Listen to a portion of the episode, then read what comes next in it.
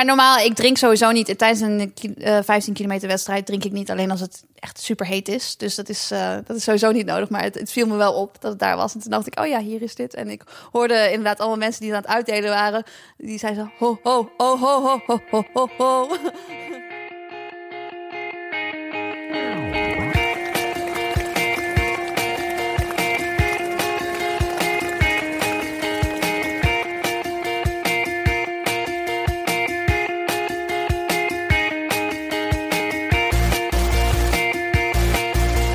Welkom bij de 25e aflevering van Suzy Q&A, de podcast over hardlopen, training en wedstrijden. Ik ben Oliver Heimel, hoofdredacteur van Runners World en naast mij zit Susan Crummins, de, zo las ik deze week, meest enthousiaste loper van Nederland.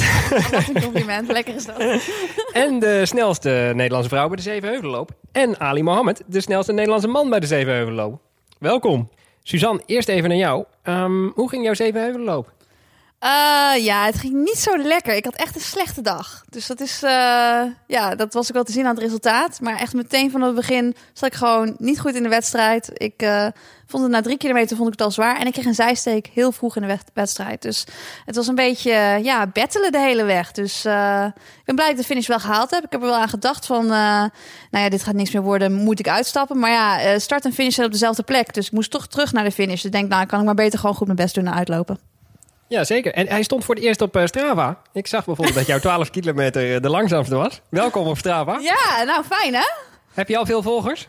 Eh, ik heb wel een aantal volgers. Ik weet niet of het veel is. ik, ik, ben, ik, ja, ik kijk nog niet zoveel op Strava, maar er zijn wel een aantal volgers. En ik krijg allemaal duimpjes en zo als ik iets heb gedaan. Dus dat is wel leuk. Hey, kijk. Ehm, in de wedstrijd werd ook een wereldrecord gelopen. En wat voor een? Door de 21-jarige Ethiopische Letezembet Gidei. 44-20 liep ze. En daarmee eh, staat het wereldrecord op de weg op de 15 kilometer. Nu gemiddeld net iets sneller dan op de 10 kilometer. Ehm, jij werd daar gisteren meteen naar je race naar gevraagd eh, door Omroep Gelderland. En we gaan even luisteren. Heb je de tijd van, eh van de Gideon meegekregen? Nee, maar toen ik langs de 9 kilometer kwam, keek ik even op mijn horloge. dacht ik, nou, ze zal wel binnen zijn. dus, Nou, zo, zo was het toch niet helemaal. denk maar- je niet? Nee? Wat is ze? Ja, ze heeft onder de 45 gelopen, dus heel, heel, heel mooi. Onder de 45? Nou, oh ja, dat was al lang binnen. Ja, dat is super snel. Ja, echt heel goed. Maar ze is een goede atleet en dat wisten we natuurlijk al. Bij het WK heeft ze ook echt de race echt aangevallen, echt hard gemaakt, weet je wel. Iedereen dacht dat Sivan zou winnen en toch probeerde zij die wedstrijd te winnen. En daarom heb ik wel heel veel respect voor haar als atleet. Zij, ja, ze houdt ervan om te vechten, dus ik eh, vond het wel vet dat ze hier meedeed. En nou, lekker dat ze hard heeft gelopen. Lekker bijkomen. Ja, dank je. Dankjewel. Ja, daar moest ik hartelijk op Je lachen. hoorde de verbazing in mijn stem. Zij zei tegen mij en toen vroeg ik natuurlijk van of dat klopte. En toen zei ze het nog een keer. Toen dacht ik in mijn hoofd, ja, daar heeft ze gewoon fout. Dat kan gewoon niet. Weet je wel? Dus ik, ik, ik dacht echt van, het klopt niet. Maar het is wel grappig dat ik zei, op 9 kilometer dacht ik inderdaad serieus van, nou ja, die, die is al bij de finish. Want ik heb nu, ben nu zo slecht aan het lopen. Maar ik denk dat ze al binnen zat met een warme chocomel. Eh, Mohammed, jij was de enige Nederlandse man die haar voor wist te blijven. Ja, gelukkig man. Het is wel een dingetje, toch? Bij, Ja. bij mannen. Eh, ja, ik hoorde dat het Khalid uh, Shakout best zwaar viel dat hij eh, was ingehaald door een vrouw. Ja, volgens mij is het logisch na de marathon. En een maand na de marathon. Marathon is geen grap, dus eh, dat was logisch volgens mij. Ja. Ja. Maar was jij je van bewust dat er een vrouw heel hard achter je liep? Of, Eh, eh? nee, nee, nee, nee, nee. Dan ik kon het eh, goed gas geven, maar eh, gelukkig was het niet. Want eh, jij ging eh, ook als enige Nederlander met de kopgroep mee, volgens mij. Ja, klopt. Eh, tot drie kilometer volgens mij, drieënhalf. En dan eh, volgens mij eh, rond vier kilometer gaat het een beetje omhoog. En eh, ieder moet van elkaar vallen. Dus ik dacht, oh, dit is mooi geweest en eigen tempo. Nou, heel goed. En Ja. toch met succes, want Ja. je liep eh 43, 58 als ik het goed heb. Ja, zoiets, ja. Ja. En dat was voor jou ook een PR. Eh, dat was BR. En je hebt eh, best wel vlak gelopen, toch? Ja, ja. En dat is op zo'n parcours is dat eigenlijk wel bijzonder. Want eh, ja, bij mij gingen de, waren de tijden echt all over the place. Maar jij hebt echt... eh, ik zag dat de vijf kilometer splits ongeveer gelijk waren. Ja, maar eh, soms zie je ook de kilometer split dat jij een keer eh 240 of wat en dan 300 en dan ga je, volgens mij is de heuveltjes gewoon Ja, de heuveltjes. Maar daar had jij, niet, had jij geen last van, van de heuvels? eh, een beetje. ik denk iedereen heeft er last van de heuveltjes. Ja, ik zag bij maar jou. vooral de koud, hè? Ja. Het is echt koud gisteren. Ja. Ja. Ja. een beetje. Ja. Nee, maar het is, eh, de laatste vijf kilometer van, van Guide waren natuurlijk best wel snel. Dus ik denk wel dat ze aan het inlopen was. Ik denk dat ze wel langzaamaan steeds dichterbij aan het komen was. Dus het is goed dat het niet langer was. Ja, ik heb gisteren gekeken, gisteravond gekeken, Ja. die, die, filmpje. Oh, dit meisje is niet normaal, man. Respect. Ja, ja. Ja, respect. Ja.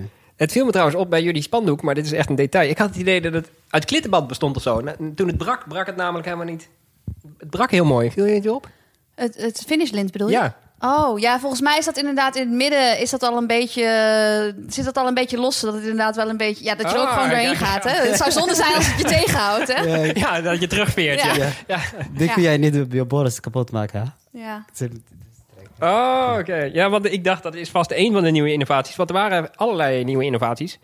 Eh, sportdrank in een bolletje. Ja, de OHO. Hebben jullie het eh, genomen? De sportdrank uit het bolletje? Eh, nee, nee. Nee, ik heb niet. Eh, ik heb gezien eh, voor de wedstrijd toen we Ja. warmen. Iemand heeft mij laten zien. Mhm. Maar ik heb, eh, ik heb hem nergens kunnen vinden. Ja, bij, bij de 10 kilometer hadden ze dat inderdaad. En eh, ik, eh, ik zag het wel toen ik door de, door de kwam. En ik dacht, bolletje. dat is leuk. Maar normaal, ik drink sowieso niet. Tijdens een eh, 15 kilometer wedstrijd drink ik niet alleen als het echt super heet is. Dus dat is, eh, dat is sowieso niet nodig. Maar het, het viel me wel op dat het daar was. En toen dacht ik, oh ja, hier is dit. En ik hoorde inderdaad allemaal mensen die het aan het uitdelen waren.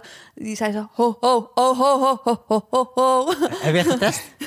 Nee, ik heb, ja, van tevoren, maar niet maar tijdens maar de die wedstrijd. ho, ho, ho, ben je, vind jij een beetje irritant? Irritant. Ja, ja. Ik vond het wel. Ik dacht wel dat eh, als gaan ze dat nu urenlang doen. Dat, eh, Ja. ik ben benieuwd. Of Ik was de- komen, eh, we komen langs de, bij de uh. En iedereen zei ho, ho, ho. En je hebt je nooit gehoord vroeger. maar ik denk, wat is er aan de hand? Misschien zijn we een beetje onveilig of zo. De kerstman, ja. nee, maar niet geprobeerd dus. Niet tijdens de wedstrijd. Ja. Nee, het leek me altijd een hele goede uitvinding toen ik nog 800 meter liep. Want dan heb je eigenlijk altijd dorst voor de start. Maar je kan niet op het laatste moment nog een drankje pakken. Maar je zou natuurlijk wel zeg maar één seconde voor de start... of zelfs een paar seconden na de start nog zo'n ding kunnen doorbijten in je Ja. mond. Dat je dan in één keer heel veel water binnenkrijgt. ja, en het is natuurlijk ook wel... Voor lopers is het, is het, is het handig Ja. ook. Want ik heb wel eens geprobeerd uit een bekertje te drinken. En eh, rennend uit een bekertje drinken is... eh, dan gaat echt alles over je heen. Hè? Dat, is, dat is niet zo handig. Dus ik denk wel dat het voor heel veel lopers wel een uitkomst was. Als je dorst hebt, dan eh, ja, gooi je dat ding in je mond. En dan weet je ook gewoon zeker dat je het in je mond hebt. Ja, ja maar het is nu, want het is nu nog water, toch? Dus eigenlijk, ik Nee, er zat ook sportdrank, in. Oh, ja, ook Ah, sportdrank. Ja. Ja, ja, ik heb zelf een keer bij de drankpost gestaan, maar misschien heb ik wel eens verteld. Op een hele warme dag. En toen, toen zei iemand, is dit water? Toen zei ik, nee, nee, hij is AA. En toen gooide hij het al over zijn hoofd. Toen dacht ik, oh, dat is echt smerig om over je hoofd te hebben. In je haar en eh, er komen Ja. beesten op af. Maar goed. Ehm, iets anders was de houten medaille. Is dat jullie opgevallen? Jullie hebben nog een aparte medaille gehad natuurlijk. Die was vast niet van hout, of wel? Ja, je, je gelooft het niet, maar ik heb gewoon... Ik heb geen medaille. Echt? Echt? Je bent terug? Ja, Nee, ik heb hem niet. je bent Ja, ik terug weet ook niet of dat gelukt is. Maar ik had het zo koud na de finish dat ik zo snel mogelijk weer terug ben gegaan naar eh, ja, waar de atleten dan ook wat kunnen eten en eh, binnen massage en zo. En ik ben niet via de medaillepost gelopen, dus ik, ik heb geen medaille. Dus nou, ik kom nog wel bij de Zevenheuvelloop, dus die ga ik nog ja, wel een dit, keertje dit gaan we ophalen. rechtzetten, ja. Ja. Dus ik ben blij dat we dat met deze podcast kunnen bereiken. Die kinderen vonden die medaille trouwens wel echt heel leuk, omdat, omdat je dus op de achterkant kun je natuurlijk ook tekenen en zo. Dus ik had, ze hadden gevraagd of ik de achterkant wilde signeren, want ja, sommige mensen hadden natuurlijk kritiek, omdat het dan niet meer eh, ja, klingelt als je medaille tegen elkaar aanhoudt. Oh, Maar de kinderen vonden het juist echt heel leuk, zo'n houten medaille. de klingelfactor, daar had ik ja, de niet over nagedacht. klingelfactor. Ja, het schijnt belangrijk te zijn. Hey, ehm, we gaan het even over jou hebben, Mohammed. Ja, Wij eh, hebben elkaar ehm, tien jaar geleden wel eens gesproken. ja. Toen was jij nog niet zo heel lang in Nederland, denk ik. Ja, eh, een paar maanden. Want eh, vertel eens wat over jezelf. Ja, ik ben eh, tien jaar geleden weer met samengelopen. En ik wist niet dat hij werkt voor, voor eh een Runners Wall. Dus we waren gewoon aan het praten eh, over dingen. En eh, ik herinner nog eh, dat hij vraagt mij, wat vond jij in Nederland? En ik zei, eh, Nederland heeft die twee seizoenen. En eh één seizoen is, eh, die, die planten hebben geen kleding. Ja. En de andere seizoen, de vrouw hebben geen kleding. Dus in de zomer, en eh, een week later, mijn trainer heeft mij in eh, die Runnerswool magazijn gebracht. En zei, wat, wat zei hij? Wat zei hij? en ik zei, ja, dit dit man was eh, gewoon undercover.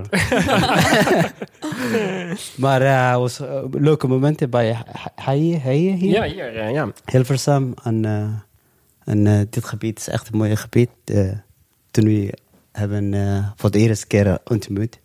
Dat is goed. Ja. Want jij, jij bent opgegroeid in Somalië. Ja, En toen ben je naar Nederland gekomen. En Ja. toen ben je op het Johan Cruijff College terechtgekomen. Ja, En ik heb wel eens gelezen dat je in Somalië eigenlijk helemaal niet op school zat. Eh, dat klopt, ja. Dat klopt. Wauw. Maar eh, gelukkig heb ik, ik heb een diploma nu. Dus eh, Ja. dat is top. En, en je spreekt heel veel talen. Dat las ik ook in trouw. Ja. Namelijk in ieder geval Nederlands, Ethiopisch, Arabisch. ja. Je was bezig met Spaans. Ik was bezig met Spaans. Eh, ik had eh, twee jaar op school Spaans les gehad. Maar eh, helemaal, ik was niet helemaal gemotiveerd. Dus, Oké, ja, Ja, op een gegeven moment zijn er wel talen ja, natuurlijk. ja, ja. Hey, en eh, je hebt drie jaar geleden je Nederlands paspoort gehad. Ja. Maar pas sinds een jaar mag je uitkomen voor Nederland. ja, dat klopt. Voor de nieuwe regels van eh IWF. Dus het is een beetje zwaar om dit regels te wachten. En uiteindelijk, vorig jaar heeft het gelukt. Dus ik ben erg blij. Maar eh, de nieuwe regel is wel een beetje onzin. Ik denk wel. Maar goed, nu zou je dus voor Nederland eh, op de toernooien uit kunnen komen. Ja, precies, ja. ja. En heeft dat nog extra motivatie gegeven? Eh, veel, veel echt. En Ja, wat, wat is ja. jouw doel voor de komende tijd? Komende tijd, volgende week ga ik Warandeloop lopen. Ik weet niet of ze gaan sturen een team voor de cross. En die proberen en dan de week na een uh, Montfort Run.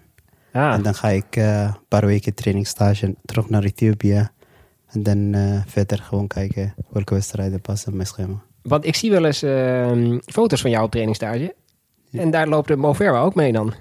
En ja, vorig jaar we waren samen in Ethiopië. Dus het was gezellig. Niet alleen varen, maar Bashir. eh uit België. Abdi is het, Abdi ja. uit Amerika. Maar het was een mooie, eh, grote vriendinnengroep. Wauw. Dus het was leuk, echt. Want jullie trainen dan op hoogte in Ethiopië? Of? Ja, op de hoogte, ja. ja. Nou, Was jij in Ethiopië geweest? hm? Was jij in Ethiopië geweest? nee, nog nooit. Zelfs eh, Kenia niet. Ik ben één keer Zuid-Afrika. Jezus? Eh, niet in eh, Ethiopië, nee. Ik ben niet in Ethiopië. dat is het is heel hoog, toch? Is dat niet eh, 2400 meter of zo waar je dan traint? in de stad, maar eh, waar je traint is eh 28 2800. Hè? 2800. Tot, tot 3000. Ja, dat is echt Ja. heel hoog. Zo hoog ben, heb ik ja. nog nooit getraind. 2000 is het hoogst. En dat is wel... eh, ja, dat is pittig. Dat is eh, hoog, dat is hoog. Ja, en dan vanuit daar, vanuit die hoogte kun je gewoon meteen een wedstrijd lopen. Ja. Eh, twee dagen daarna of wat is Nee, ik was vrijdagavond teruggekomen. Ja, dus zaterdag en zondag wedstrijd. oké. Dat lijkt mij goed. Ja. Ja. ja, heel goed. Ik zag dat je ook op vakantie was geweest met Mo. Dat klopt toch? Eh, In eh, Parijs? oh ja, vorig jaar. Ja. Eh, dat is goed, ja. En ben je dan, eh, We zien aan je glimlach dat je ons niet alles vertelt. Maar... en dan ben je ook eh, babysitter voor de meisjes? Nee, ik was, eh, we waren, eh, ik denk het was vakantie.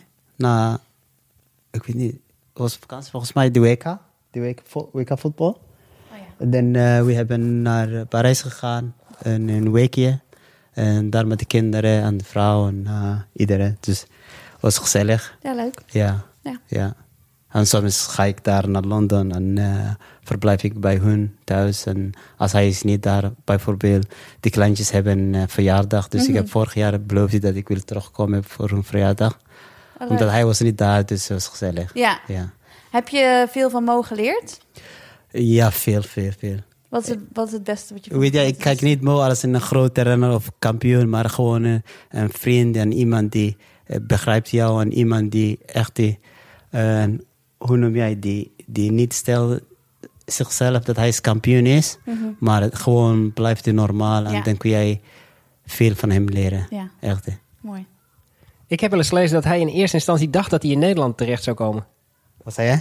Dat hij in eerste instantie toen hij uit Somalië ging, dacht dat hij in Nederland terecht zou komen. En heel erg teleurgesteld was dat hij in Engeland terecht gekomen was. Ja, zijn eh oom woont hier in Amelo. Ah, Dus hij dacht dat hij gaat met zijn oom wonen, maar eh, dat heeft hij niet gelukt. Dus ja, maar hij is vaak hier. Hè? Ja. Ja. Ja, klopt. nou, het heeft toch, toch een paar Olympische medailles geschild. eh. Van Nederland. ja, ja. dat was leuk geweest, ja. Hey, in Trouw las ik ook nog een fascinerend verhaal over Gisela Maubach. Giselle Maua is mijn eigenlijk tweede moeder. En eh, veel mensen geloven niet, ja. Want ik ben zwart man en uh, zij is wit. maar Giselle, Giselle is mijn tweede moeder. Ik heb haar gekend in eh, 2012. Dus eh, ja, eh, zo mensen kun jij niet elke dag ontmoeten. En, eh, Want zij was, zij- eh, zij was zij was toeschouwer of zij- bij een wedstrijd? Of hoe heb je haar ontmoet? Ehm, bij een wedstrijd. En dan ze was gelijk iemand aardig tegen mij en eh begrijpte mij en eh, eh, waar ik kom vandaan en wat ik doe hier. Was, ze was een beetje eh, bezorgd wat ik doe, alles. En eh, eh, vanaf die dag we hebben echt geklik. klik. En dan uh, zij is nu mijn tweede moeder. Eigenlijk. Ze heeft voor mij veel gedaan over school, over uh, rijbewijs, alles. eh. dus ik ben echt... eh, oh, wat Echt, mooi. Ja, lucky man. Ja. Het is eh, tijd voor ons eerste segment, denk ik. Ask Suzy. Stuur je vraag in, dan beantwoordt Suzanne of haar gast die hoogstpersoonlijk in de uitzending. Suzanne, ik heb eerst, ik denk een beetje een insidervraag, want ik begreep niet. Henk Albers vraagt of je de fietser met de klok voor de eerste dame hebt gezien? ik heb die fiets heb ik gezien, daar zat Henk namelijk op. Oh, kijk, ja, nou, nou valt alles op zijn plek. Ja, valt alles op zijn plek. Ja, dat was toevallig eh, inderdaad de eerste kilometer. eh, het was nog best wel, was best wel druk op het parcours meteen. En, eh, Veel lopers. Ja, en ik zag dus inderdaad dat Henk daar fietste. En de eerste dame liep er inderdaad achter. Maar ik denk dat zij vanaf het begin af aan gewoon sneller wilde gaan dan, het, dan de hazen gepland waren. Want het was gepland om iets onder de, net iets onder de 16 minuten te lopen. Ah, ja. Maar ze kon er ook niet voorbij, omdat die fietsen er ook nog voor fietste, weet je wel. Dus daar werd ze nog een beetje tegengehouden. Dus anders was ze misschien wel nog sneller geweest. heb, je, heb jij de film gezien? Ze moet aan het doeien. Die jongens. Ja, ik weet dat zij inderdaad ge, ge, gehaast werd door onder andere Richard Dauma. En ja. nou ja, toen, toen ik dus voorbij de vijf kilometer kwam, stond Richard daar. Daar was hij al dus al uitgestapt. Omdat ze inderdaad zo hard aan het pushen was dat hij uh, wat eerder uit is gegaan. Maar dat was weer goed voor mij. Want toen zei Richard, toen ik daar langs kwam, zal ik je hazen? Ik zei, ja, graag. dus hij, heeft mij, hij heeft mij de hele weg naar de finish geholpen. En helaas, ja, ik had, omdat ik gewoon zo'n slechte dag had, kon ik, niet goed, ik kon gewoon niet goed bij, bijblijven. Maar het heeft me wel een beetje geholpen dat het uh, niet helemaal dramatisch was. Hè? Oh, mooi. Hij heeft gewoon de, de snelste vrouw en de snelste Nederlandse vrouw gehaald. Ja, hij, dacht, ja, hij moest toch terug naar de finish, hè? Ja, ja. ja. uh, Mohammed, ja. Sharon Hiemelers vraagt... Iedereen heeft een bepaald voorbereidingsritueel. Uh, haar ritueel is 's ochtends en 's avonds een glaasje bietensap voor de wedstrijd. Heb je ook een ritueel? Iets wat je altijd doet? Ja, eigenlijk niks. Gewoon, gewoon chillen, gewoon een theetje maken. Oh, ik wil zeggen, drink je koffie? Uh, ja. Ja, het Ethiopische koffie is ook wel Ik ben gek echt van lekker, koffie hè? en thee. Ja. Uh, maar niet gewoon thee, niet zo thee. Geen suiker. ja, wat, maar, voor thee, uh, wat voor thee drink je dan? Ik graag een thee, thee met malen, suiker. Dat is een chai tea of zo? Ja, veel gember en uh, ja. met kruiden. ja, echt een speciale thee die gemaakt is met de liefde. Met liefde? Oh, ja. maar ik, ik heb het liefde het zakje erin gegooid, hè? Uh, ik heb ook nog een vraag voor je van uh, Lieke Rijk. Die vraagt of dit je eerste wedstrijd op je nieuwe Nike's was. Uh, nee, ik heb een paar wedstrijden gelopen. Tilburg 10 miles.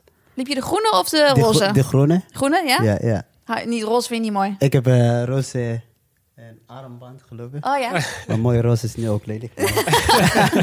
maar ik heb Tilburg 10 mijl gelopen met die schoenen. En uh, dam to dam. En viermaal Groningen. Dit was 40 Nee, vijfde. En uh, de halve van Breda.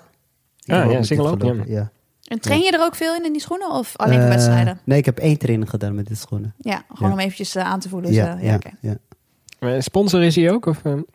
Nee, ik heb geen sponsor. Ah, nee. Nog niet. Geen, ja. Ik hoop dat ze meeluisteren. Ja, ja, tuurlijk. Ik heb dit cadeautje gekregen van Mova. Hij heeft het mij thuis gestuurd. Maar gewone spullen, kleding, dit, dat krijg ik van Global. Ja. En uh, ja, maar ik heb geen sponsor. Nee, ik was een beetje op het verkeerde uh, pad gezet door je trui, maar... en uh, vraag aan jou, Suzanne, van Celeste Engwerda. Gebruik jij jelletjes op de 15 kilometer? Nou, nee. Niet tijdens de wedstrijd. Zeg maar, een jelletje tijdens de wedstrijd zou ik pas doen vanaf misschien een halve marathon. Maar zelfs dan, als je zeg maar 70 minuten loopt, zou het eigenlijk niet nodig moeten zijn. Alleen ik neem vaak wel een jelletje gewoon net voor de start. En dat is uh, nou ja, gewoon een isotoon jelletje. Dus dat is niet, uh, niet omdat ik speciaal die energie nodig heb. Anderen zullen een energiedrank of iets anders van tevoren nemen. Ik, ik vind het wel lekker om even een jelletje vlak voor de start te nemen. Ja, ik kende die traditie helemaal niet. Maar ik zat laatst met iemand die daarover uh, over vertelde over jelletjes. En die zei dat het nieuwe jelletje van Morten nu ook cafeïne had. En dat als de wedstrijd dan op het laatste moment wordt afgelast en je net een jelletje hebt genomen, dat je dan echt een probleem hebt. Dan moet je iets doen, hè? Toch iets moet doen. Ja, ja. Had ik nooit over nagedacht. Um, Wouter loopt hard. Dat is de Instagram-naam. Uh, die vraagt uh, Mohamed: um, Heb je bewust dezelfde sik als uh, Mo Farah? volgens mij hij heeft iris, maar oh, ja. ja. Ik kan niet weggooien, ja. Nee, nee, Ja. ik ken het. Dan word jij lelijk, hè? Ehm, eh, Rob Viveen, die noemt jou letterlijk en figuurlijk een toffe gast. Daar moest ik even over nadenken, maar natuurlijk omdat je de gast bent hier. En Wie is die? Eh, Rob Want ik weet Viveen. die naam, hè? Ja, eh, ik stuur hem je na. Zijn vraag is aan jou, eh, wat wordt jouw doel deze winter? Eh, deze winter gewoon uh, een wandelloop lopen en, eh, en verder kijken of ik mag de EK Cross lopen. En dan uh, Montfortland Run, dan uh, naar trainingstage voor de voorjaarsseizoen. Ja, dat klinkt goed. Waar is de EK Cross eigenlijk? Uh, Ik weet het niet. Sorry, je moet niet me aankijken. Ik weet het niet. Lissabon. Portugal? Lissabon, Oké, ja. Ah, Lissabon, ja, ja, nice, ja, Lissabon. nice. Ehm, nou, nou eh, heb je ook een vraag voor Suzanne, of voor mij natuurlijk? Mail hem dan naar mijn adres olivier.heimel.hurst.nl En wie weet komt jouw vraag dan wel in onze volgende podcast. Dan ehm, wilde ik het even hebben over ons ehm, tweede segment.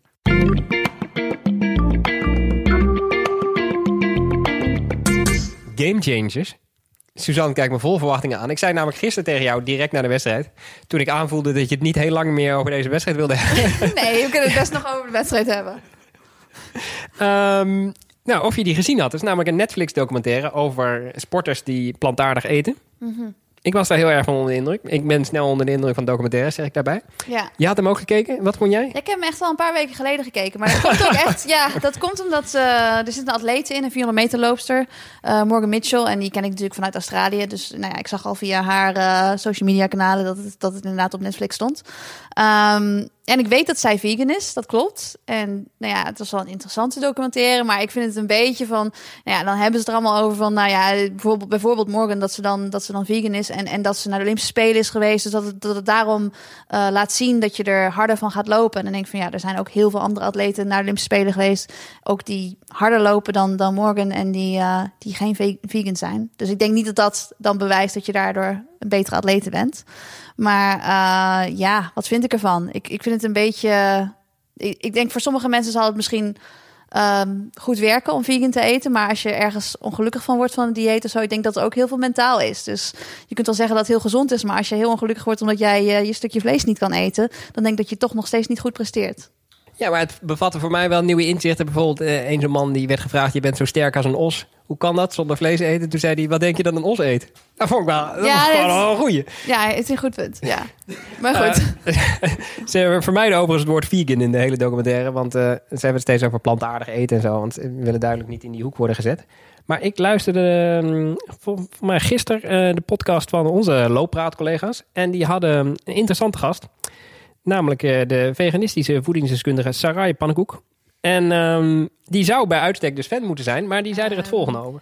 Ja, wat, kan ik, ik, wat ik over kan zeggen is, het is een beetje in lijn met bijvoorbeeld What the Health. Dat was ook zo'n documentaire, ja. Cowspiracy. Dat zijn ja. allemaal documentaires die vanuit een bepaald oogpunt ges, uh, gemaakt zijn. Dus um, er verliest dan een soort van objectiviteit. Ook al laten ze, het, laten ze het zien alsof er wel een soort van objectiviteit is. Maar ja, al die wetenschap die toont allemaal aan. Maar als je in die wetenschap gaat graven, dan zie je eigenlijk dat het, dat het echt geen wetenschap is. Dat het meer review-artikelen zijn of opinions.